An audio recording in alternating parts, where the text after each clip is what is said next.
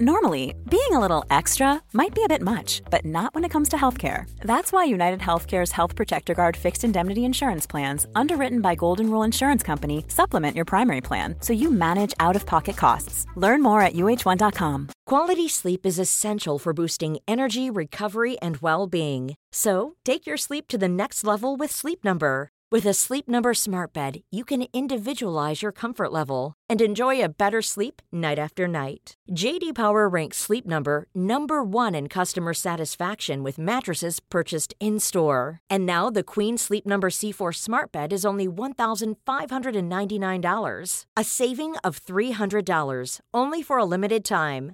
For JD Power 2023 award information, visit jdpower.com/awards. Only at Sleep Number stores or sleepnumber.com.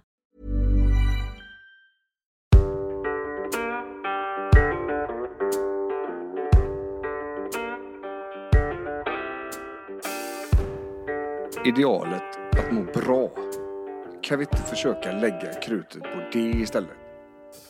Hur du ser och uppfattar din kropp är ingen enkel sak.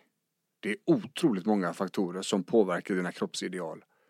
Allt ifrån kompisars åsikter, som även de grundar sig på många olika faktorer, till det att vi blir matade genom sociala och ordinära media. Så är det. Och så kommer det fortsätta vara. Men om det idealet är en produkt av en taskig attityd och dålig människosyn och du ändå blir matad med det, ska du bara ta emot eller kan du göra något själv fastän det är svårt? De allra flesta tjejerna som jag träffar i min arbetsdag är så kallade high performers. Jag ska inte säga alla, men det är bra jävla nära. Ingenting duger.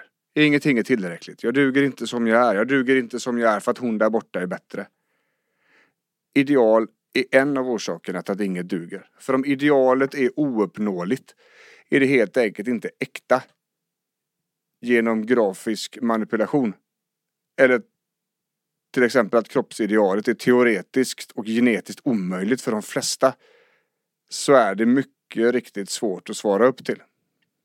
En av orsakerna till att ingenting duger är en så kallad dålig självvalidering. Man är helt enkelt jävligt taskig mot sig själv av olika orsaker. Kanske har du tidigare i livet blivit matad av att det du gör inte är tillräckligt. Kanske är du i grunden en orolig person som är väldigt mycket uppe i känslorna och därmed också blir dina tänk omtankar och då är de verkliga för hjärnan. Och kanske är du just en person som väljer att gasa tills det rasar eftersom det är det enda du kan och det är det enda som har fungerat hittills.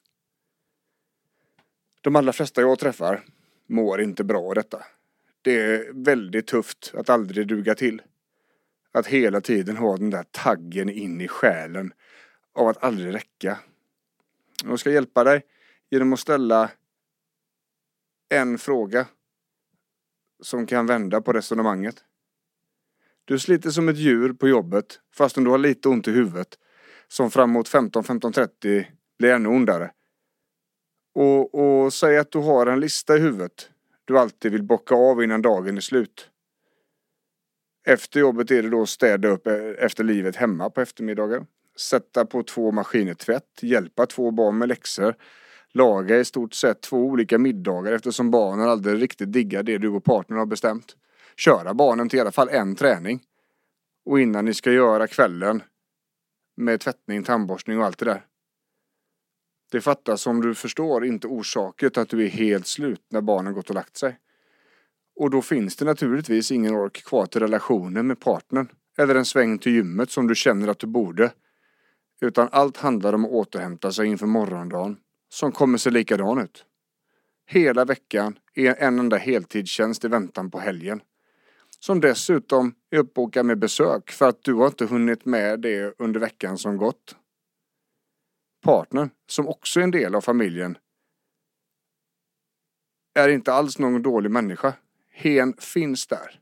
Märkligt nog så är det sällan jag stöter på par där till exempel mannen sitter i soffan och kollar fotboll när kvinnan dammsuger framför tvn.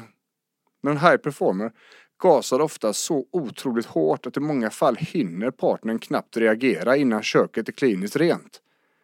En high performer kan mycket väl råka städa ett helt hem med ren reflex. Det bara hände.